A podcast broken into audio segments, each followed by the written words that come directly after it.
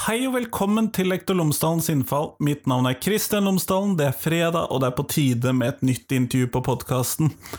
Denne fredagens episode handler om eksamen. Og eksamensresultater måler eksamen det vi ønsker å måle når vi gjør eksamen? Eller hva måler eksamen egentlig? Måler det noe annet? Kanskje? Eh, jeg snakker med professor Gustav eh, Skar fra Skrivesenteret ved NTNU. Eh, og jeg snakker med Julius Christian Bjørnson, som er forsker ved Institutt for lærerutdanning og skoleforskning ved Universitetet i Oslo.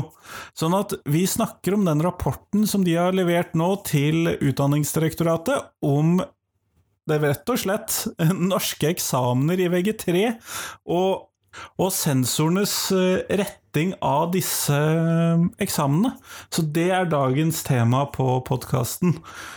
Og så etterpå så får du kanskje høre litt mer om hva som er ukens tenkte årsdagpost. Og så er podkasten som alltid sponset av Cappelen Dam Undervisning. Og hvis du går inn på skolen.cdu.no, så finner du alt det som Cappelen Dam har laget i forbindelse med fagfornyelsen. Enten det er opplegg, ressurser, undervisningsvideoer osv. Alle temaer, alle fag, alle årstrinn, alt tverrfaglige temaer osv. Alt sammen finner du på skolen.cdu.no. Her kommer intervjuet, vær så god.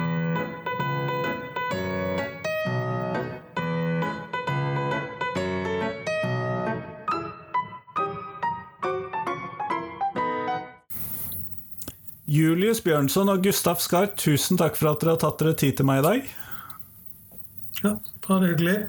Før vi starter selve intervjuet, så hadde jeg håpet at jeg kunne fortelle lytterne mine tre ting om dere selv, sånn at de kan få bli litt bedre kjent med dere. Hvis du kunne begynne, Julius?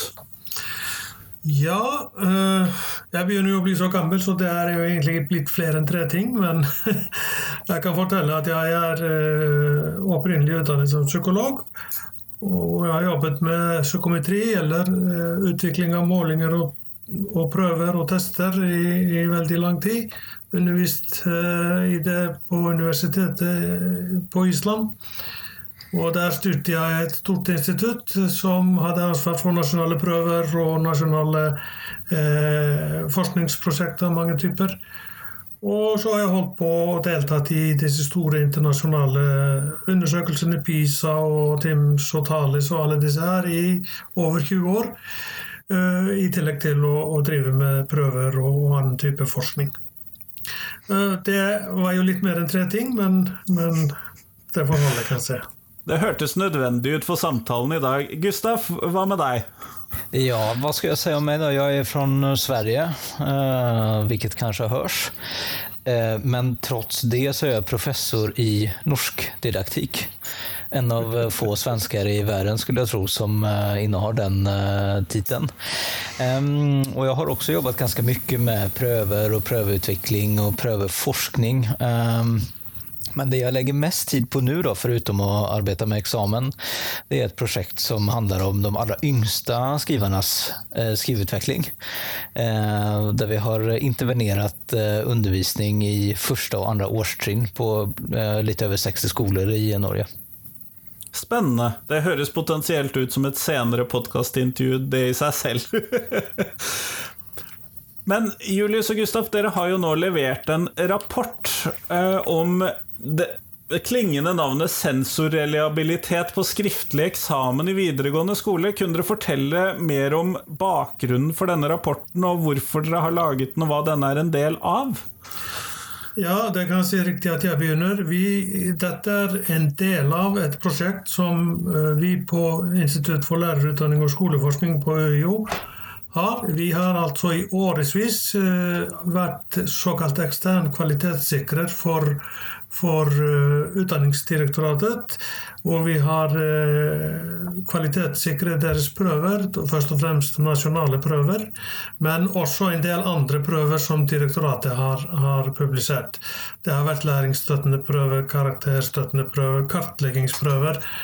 Og eh, det har lenge vært eh, ønske om at vi også eh, ville bruke noe av den kapasiteten til å se på eksamen.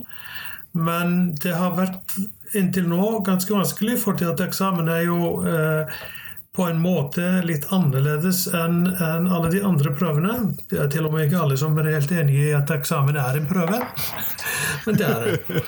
Eh, men, eh, og vi har gjort noen forsøk tidligere ved, til å, å prøve å kvantifisere noen av de egenskapene som eksamen har. Det som kanskje først og fremst har skilt eh, dagens eksamen eh, fra de andre prøvetypene som vi har jobbet med, er at de er laget på en helt annen måte. Eh, all forsvarlig eh, prøveutvikling i dag skjer på et visst grunnlag, på et sånt vi, vi kan kalle psykometrisk grunnlag. Og hvor en av de grunnleggende prosedyrene man tar alle prøver og oppgaver gjennom, er å pilotere dem. Man tester dem altså ut på forhånd før de blir brukt, og dermed sikrer man at man bruker ingen oppgaver som ikke er bra nok. Og eh, en av de tingene man trenger å gjøre eh, ved alle disse prøvene, det er å være sikker på at de måler det man vil. Vil si at de er valide. Og forutsetningen for at prøvene kan bli valide, er at de er reliable. Vil si at de måler det samme hver eneste gang. Eh, og eh, en del av det når det gjelder eksamen, er reliabiliteten av sensureringen. Alle eksamener blir jo sensurert, og i noen tilfeller så er ikke dette veldig problematisk, fordi det er enten gale eller riktige svar. Men i andre tilfeller er det ganske eh, store vurderinger som sensorene må foreta. Og da spiller det en stor rolle om sensorene f.eks. er enige i deres vurdering av de prøvesvarene de får. Og dette, eh, denne rapporten vi skrev nå, det er den første sånn systematiske granskingen av denne såkalte sensorreliabiliteten. Og vi prøver å finne ut hvor mye samsvar er mellom, mellom de vurderingene som sensorene gjør.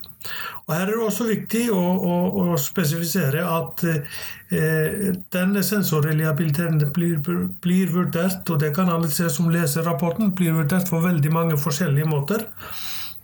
Eh, vi noen ganger vurderer det som om om rett og slett finner ut hvor mye, hvor mange prosent samsvar er det mellom f.eks. to sensorer som vurderer den samme oppgaven. Og I andre tilfeller så vurderer vi eh, en vi kunne kalle det en korrelasjon eller et samsvar, hvor sensorene ikke nødvendigvis trenger å være helt enige, men vi vil vite hvor nærme de er hverandre. Eh, og da går vi ut ifra det at f.eks. hvis én sensor gir karakteren 4 og en annen gir karakteren 5, da er det bedre hvis den, den ene vil gi 2 og den andre vil gi 6. Så da er det større distanse mellom dem. ikke sant? Og eh, til å, å og, og, til å gjøre dette her, så har vi brukt ganske mange forskjellige eh, klassiske metoder til å vurdere denne reliabiliteten.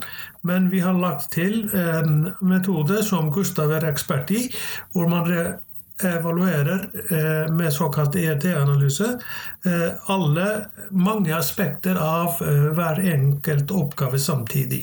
Dvs. Si hvor streng er sensoren, hvor dyktig er eleven, og, øh, og hvordan, hvor vanskelig er oppgaven. Og Man prøver altså å analysere alt dette samtidig.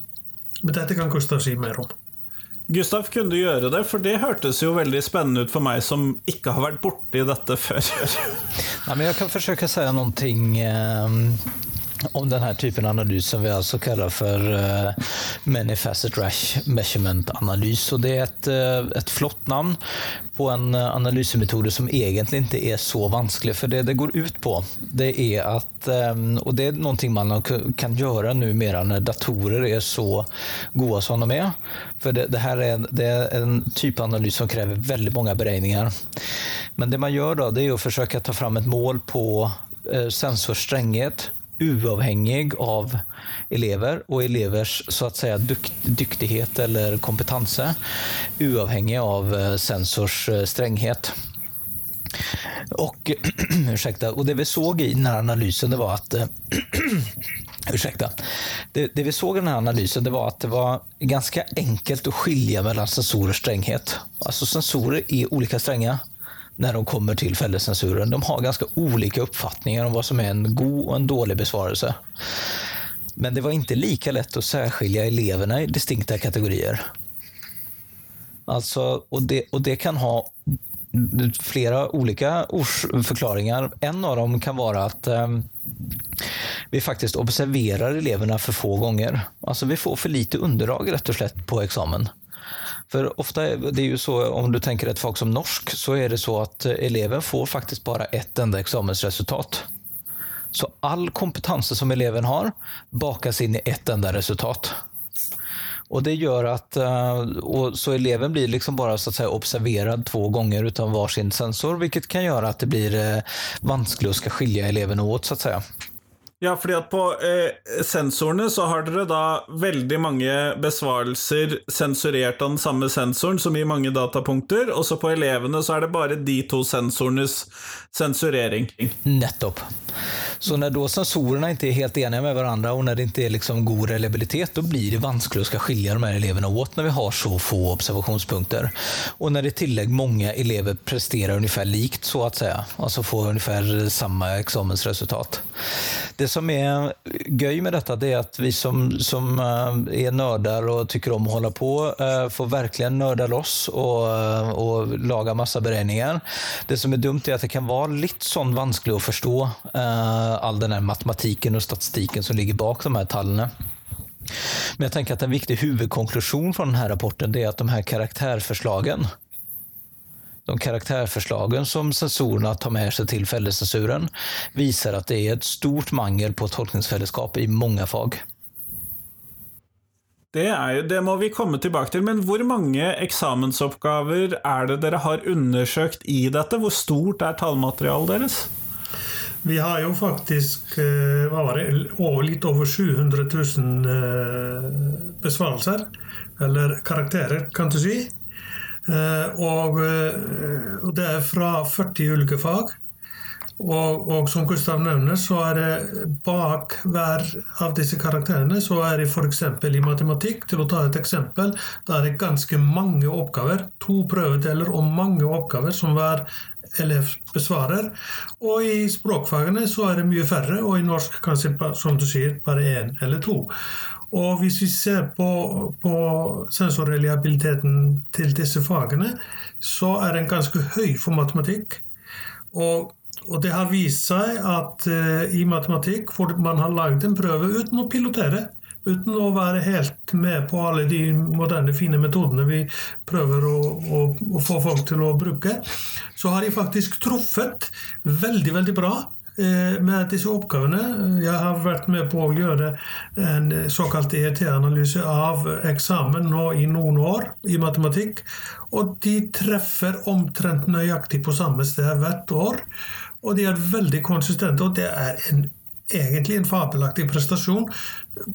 Når man ser, eh, tar hensyn til at de har ikke pilotert, de har ikke testa oppgavene på forhånd. Og det er, så det er veldig veldig bra gjort. Eh, men nå har de begynt å pilotere, og da blir de enda bedre. Og, og jeg synes, egentlig tror at, at eh, grunnen til at det er så store forskjeller mellom disse fagene, er, som dere allerede har nevnt, det er antallet oppgaver bak. Og, og, og, det passer veldig veldig godt med et grunnleggende prinsipp i psykometrien, er at hvis du skal ha en reliabel måling, så må du gjenta den ofte.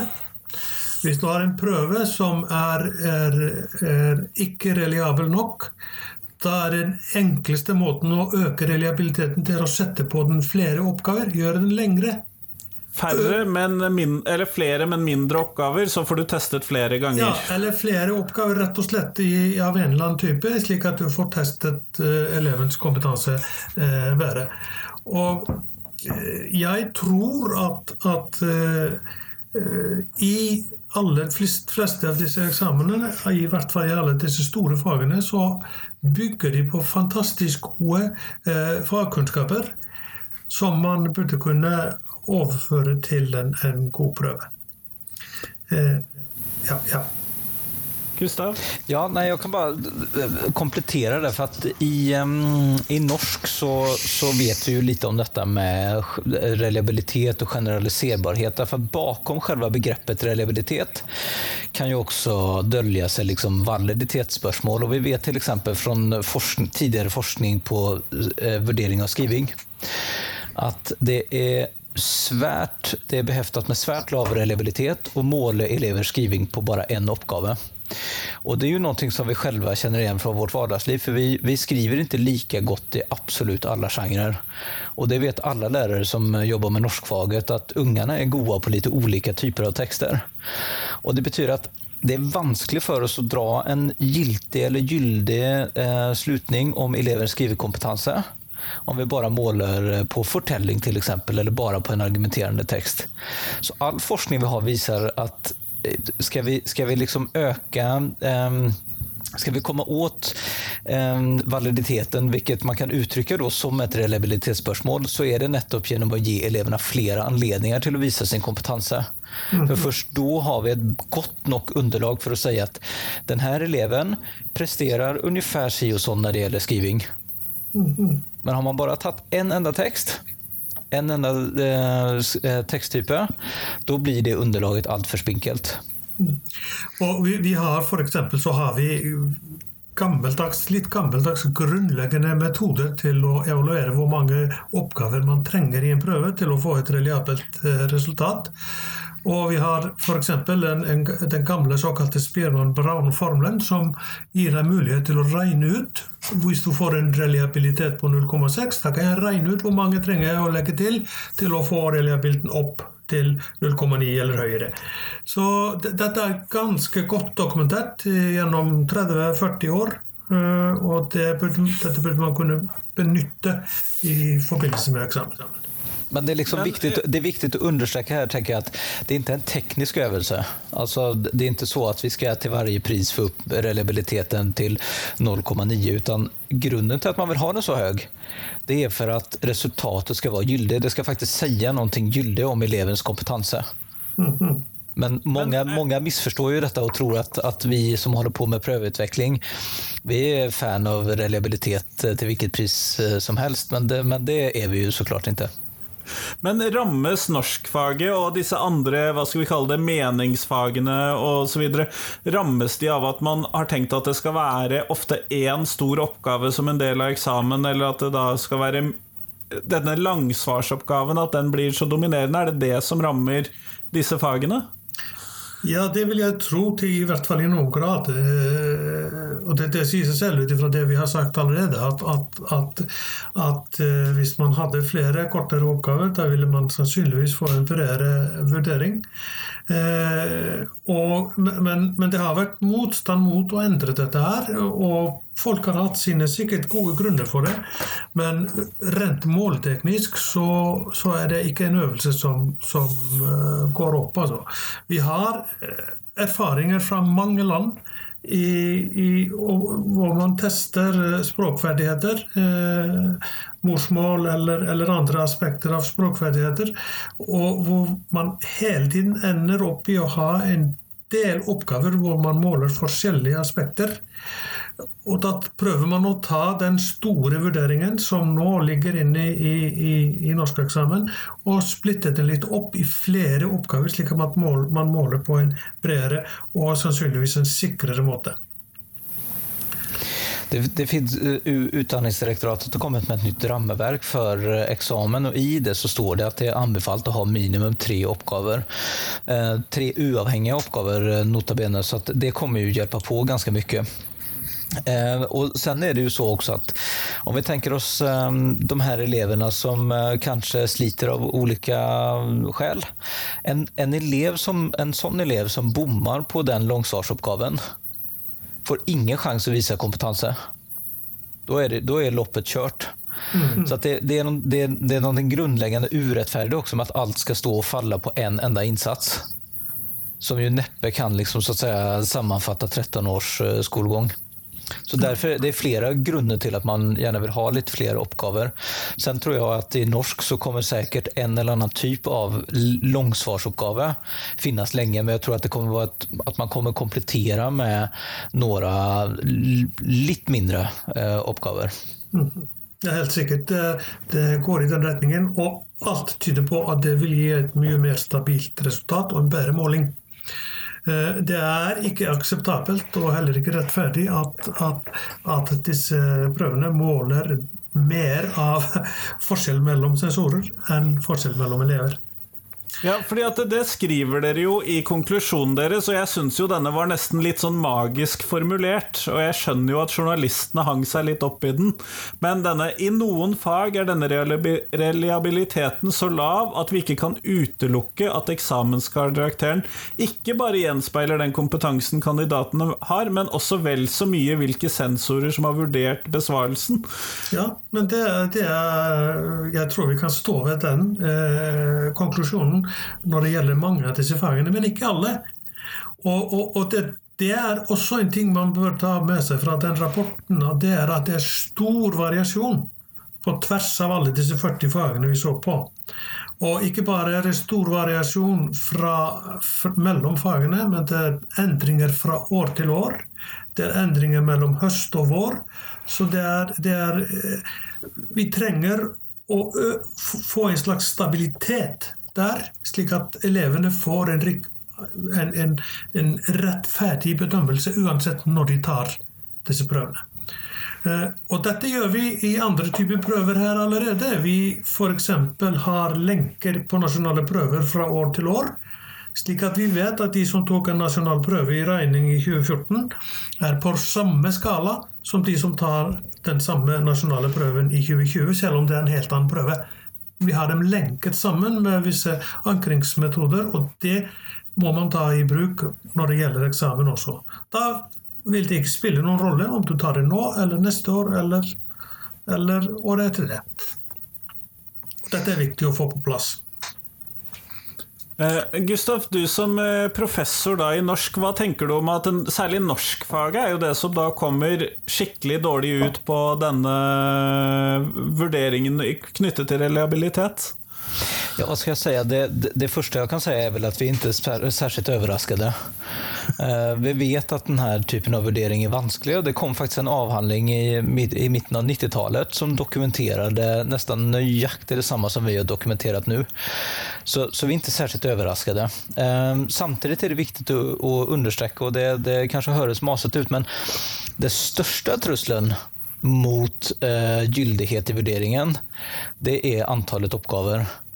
Altså, så, så, så, så, det er viktig at man også får på plass. Men det som, det som har med sensorer å gjøre, det, det, er, det er vanskelig å skal vurdere denne typen av texter. Eh, det krever veldig mye trening. Vi har i noen sammanhang hatt denne typen av trening, og det krever, det krever da også at man får god tilbakemelding på sin insats. Eh, så det finns ju flera saker här som man skulle kunna göra så att säga för att, eh, för att eh, fixa problemet. Där träning och tillbakamelding, obligatorisk träning och tilbakemelding mm. är två sådana aspekter. Och så att man också kan se över vilka kriterier som används till exempel. Og jeg tror også det er veldig viktig at man er klar over det når man, når man ser på disse tallene, at dette er bare en liten bit av puslespillet. En, en prøve sånn som norsk eller matematikk eller hvilken som helst av disse her, det er resultatet av en lang kjede av ting som alle sammen må oppfylle kravene. Og en eneste svak lenke i den kjeden, det, det gjør at, at, eh, systemet på en måte bryter litt sammen. Så eh, det må være innholdet må være ålreit, oppgaveformatene må være ålreit, sensureringen må være god, osv. Og, så og en veldig, veldig viktig ting der, det er den såkalte sensorskoleringen. I de store internasjonale undersøkelsene da har vi erfaringer gjennom de siste 20 årene å, med å, å, vurdere store oppgaver med store, lange, åpne svar. Og der får man opp reliabiliteten ganske høyt med å drille de som vurderer svarene. De blir altså øvd. De øver seg inntil de når opp til et minimumsnivå i samsvar. Og eh, her er det slik når det gjelder eksamen at uh, veldig mange deltar i sensorskolering, men det er ikke obligatorisk for alle sensorene, så vidt jeg har hørt. Og mange av dem deltar ikke i det hele tatt, og det går ikke an. Her må man få opp det som jeg tror du har nevnte tolkningsfellesskap, Gustav. Og, og, man må få opp liksom at folk blir enige og på samme grunnlag. At vurderingen skjer basert på liksom samme forutsetninger. Og dette er enkelt å få til i matematikk når det er riktig eller galt. Det er vanskelig i norsk. Men hvis jeg tolker dere riktig, da Dere er ikke motstandere av religion på, av uh, og eksamen som vurderingsform på noen måte? Dere er, tenker at det kan gjøres på en god måte? At eksamen kan fungere som vurdering?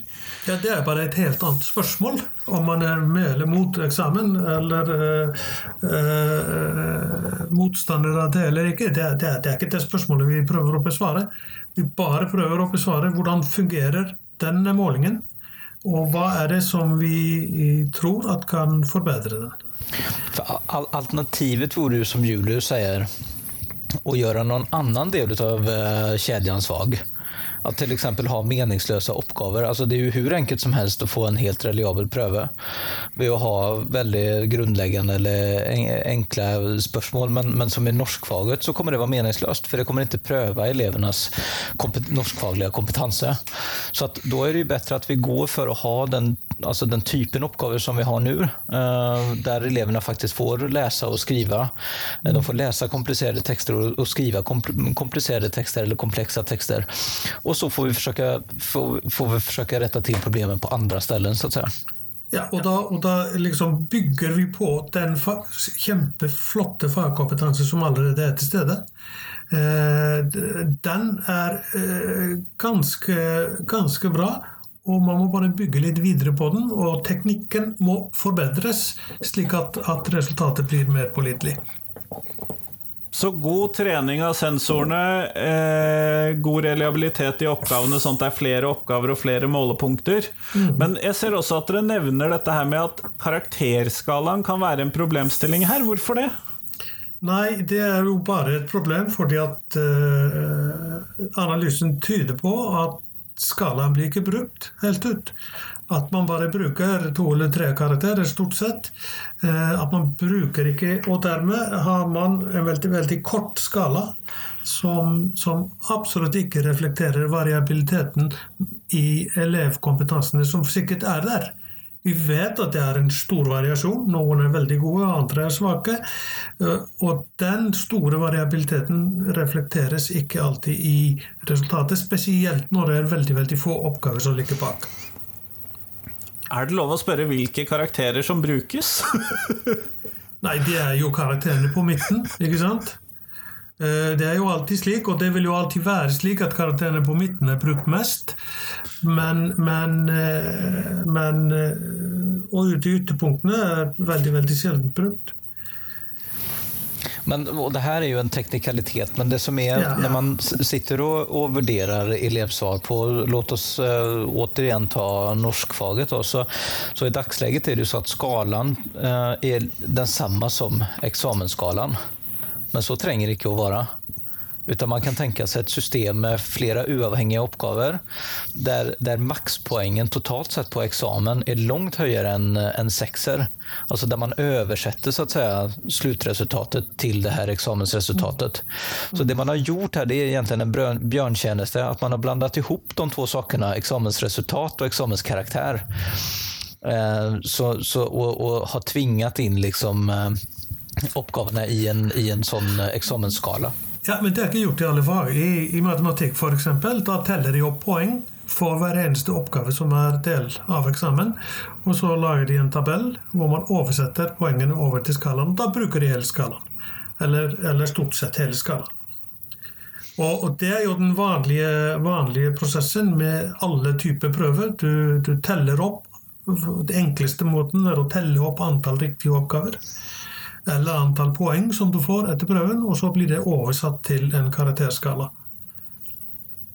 Det å bruke karakterskalaen rett på hver eneste oppgave, det ville man aldri finne på. Men man gjør det i noen fag her. kunne man tenke seg at man kunne gjøre det også i norskfaget og i andre sånne meningsfag uten to streker under svaret? Altså at man ga eh, Samlet opp og lagde poengsummer på samme måten ja, der? Naturligvis. Man, og, og man kunne til og med gjøre det med eh, disse få oppgavene man har i dag, hvor man f.eks. evaluerte forskjellige aspekter av den kompetansen som man skal måle. Eh, det ville være, ikke være veldig bra å gjøre det på en og samme oppgave, men det, det er godt mulig. Fordi En av de tingene som er veldig viktig til å få fram en god prøve, det er at det er at oppgavene i prøven er uavhengige av hverandre. Det er ikke bra hvis eh, jeg løser én oppgave, og den løsningen påvirker neste oppgave som kommer. Så de må være uavhengige, men, men man kunne godt gjøre det med dagens uh, prøver, og dermed forbedre dem uh, vesentlig. Det tror jeg. Tolker jeg deg riktig da, og dette kan kanskje du hjelpe til litt med, Gustaf, dette her med at eh, da setter du f.eks. at man får ti poeng for riktig kildeføring, og så får du ti poeng for analysedelen, og så får du ti poeng for eh, at du har med innledning og avslutning, f.eks. Er det den typen eh, oppdeling du da tenker dere da tenker på? Ja, det er egentlig en litt annen del av det, men nå kommer du inn på det som kalles for analytisk vurdering. For i dagsläget så har vi et uh, holistisk system Eh, på en måte, i alle fall når det gjelder eh, norskfaget. Det vil si at du, du setter ett resultat på, varje, på hver oppgave. Men det analytiske skjemaet er jo inndelt i flere ulike vurderingsområder. Så det som du prater om nå, det er å formalisere det der, så at man tar ett og ett område og vurderer ett område i taget. Og det er jo noe som eh, UDIR anbefaler i sitt nye rammeverk, og som også kommer komme på norskeksamen. Og det som er fint med det, da, det er at da behøver ikke enkeltsensorer gjøre vektingen, for det er jo det de må gjøre i dag. Så du kanskje tycker at kildehänvisning er verdt dubbelt så mye som en god innledning, mens din makker tycker tvärtom. Og da sitter vi med et eh, stort problem altså. Og det er det som fører til at vi får lavt samsvar. Så den vektingen, den er bedre at alle er overens om på forhånd. Og det er jo et grunnleggende problem hvis man skal måle eh, liksom mange aspekter ut fra en og samme oppgave. Det, det har vist seg om igjen og om igjen og ikke fungerer veldig bra. Derfor bruker de aller fleste prøvesystemer mange forskjellige oppgaver. Hvis du skal måle forskjellige aspekter, så er det bedre å gjøre det. Og hvis de skal, La oss si at du skal måle ti aspekter av en kompetanse, da gjør du det i ti oppgaver istedenfor å gjøre det i én. Det gir deg alltid bedre resultater. Men jeg antar jo at denne rapporten egentlig er et skritt på veien i en større forskning. Har dere funnet noen sånne tydelige ting som dere mener at vi bør forske mer på, eller se mer på, som et resultat av denne rapporten som dere har laget? Ja, vi er akkurat nå midt inne eh, i prosessen med å utforme hva som skal skje i fortsettelsen av denne her. Det blir en annen rapport, som vi skal, eller mer forskning på dette, som vi skal starte på nå øh, ganske snart. Eh, det er ikke helt bestemt hva det skal bli, men, men, det er ganske klart at vi må se nærmere på hvordan den endelige karakteren blir satt. Denne rapporten handler jo bare om den såkalte Hva kaller de det? Forhånds ja, de kaller det et eller annet. Jeg husker alltid navnet på det. Men det er altså to, de to sensorene som kommer, eh, som vurderer eh, først, først, svarene, og så treffes de, og så blir det satt endelig karakter. Og det er naturligvis kvaliteten til den endelige karakteren som vi også må se på. Men da trenger vi å, å gjøre det i et annet, litt annet system. Vi f.eks. trenger å la eh, sensorene eh, vurdere elever på en mer systematisk måte enn de har gjort hittils. Vi trenger å la de samme sesjonene eh, slik at det blir overlapp mellom de ulike gruppene. Men det er veldig mange andre ting som man trenger å gjøre til å få dette til. Eh, så det, jeg tror det blir nok eh, oppgaver for de neste ti årene. Så vi får se hva vi lander på å gjøre først. Men det gode med det er at det, som jeg har allerede sagt mange ganger, det er fantastisk gode fagkunnskaper som ligger bak de aller fleste typer eksamen. Kanskje bare hver eneste. Og, og det kan man bygge på videre. Man trenger bare å sette på plass relativt enkle teknikker til å få, til å få dette til å fungere optimalt. Kjempeflott. Eh, vi går mot slutten av podkastintervjuet, Julius og Gustaf. Og da skal jeg stille det spørsmålet som jeg stiller til alle de jeg intervjuer. Og det er hva er de tre viktigste tingene som skolen lærer elevene? Og Gustaf, jeg sluttet jo med deg i stad, så da begynner jeg med deg nå. De tre viktigste sakene på strak arm det er forstås eh, lære elevene å skrive. Å lære dem å lese. Og lære dem å være motiverte for läring. Kjempeflott. Julius, hva med deg? Ja, jeg er helt enig med Gustav, men jeg tror ikke det der er det viktigste. Jeg tror det viktigste er å lære å lære. Hvis vi klarer å, å, å lære elevene våre metoder som de kan bruke i forskjellige fag, i forskjellige sammenhenger videre i livet. Hvordan man, hvordan man lærer nye ting. Rett og slett å lære å lære, det er det viktigste, tror jeg. Eh, da kommer alle de andre tingene nesten automatisk etterpå. Kjempeflott. Tusen takk for at dere tok dere tid til meg i dag. Takk så mye. Det var bra. Eh, veldig hyggelig.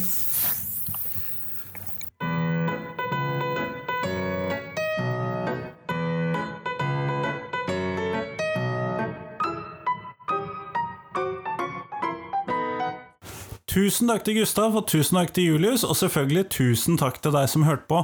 Nå er det fram til eh, tirsdag før det kommer et nytt intervju på podkasten, og det gleder jeg meg veldig til. Som vanlig så kommer det et gøy intervju da, men jeg håper at du kan bruke muligheten til å sende meg forslag til nye podkastintervjuer. Jeg har jo lyst til å drive med podkast lenge, og det er utrolig mange temaer i norsk skole som jeg rett og slett aldri ville tenkt på som et tema. Det har jeg egentlig oppdaget i løpet av de første 303 episodene på denne podkasten. Det var veldig mange temaer her som jeg ikke visste at kom til å bli et tema når jeg først øh, vel begynte med denne podkasten. Rett og slett fordi at det har jeg ikke fantasi eller kunnskap nok til å gjøre. Ellers, ukens Tenketorsdag-post, som kom i går, er rett og slett å stille det siste spørsmålet på, som jeg stiller til alle jeg intervjuer, om hva er de tre viktigste tingene skolen lærer elevene. Det stiller jeg ut til deg, så hva er ditt svar på det spørsmålet? Gå inn på Instagram, Facebook, Twitter, et eller annet, søk opp Lektor Lomsdalens innfall og svar på det spørsmålet, så blir jeg utrolig glad. Men nå håper jeg at du får en god helg, og så høres vi til uken. Hei, hei!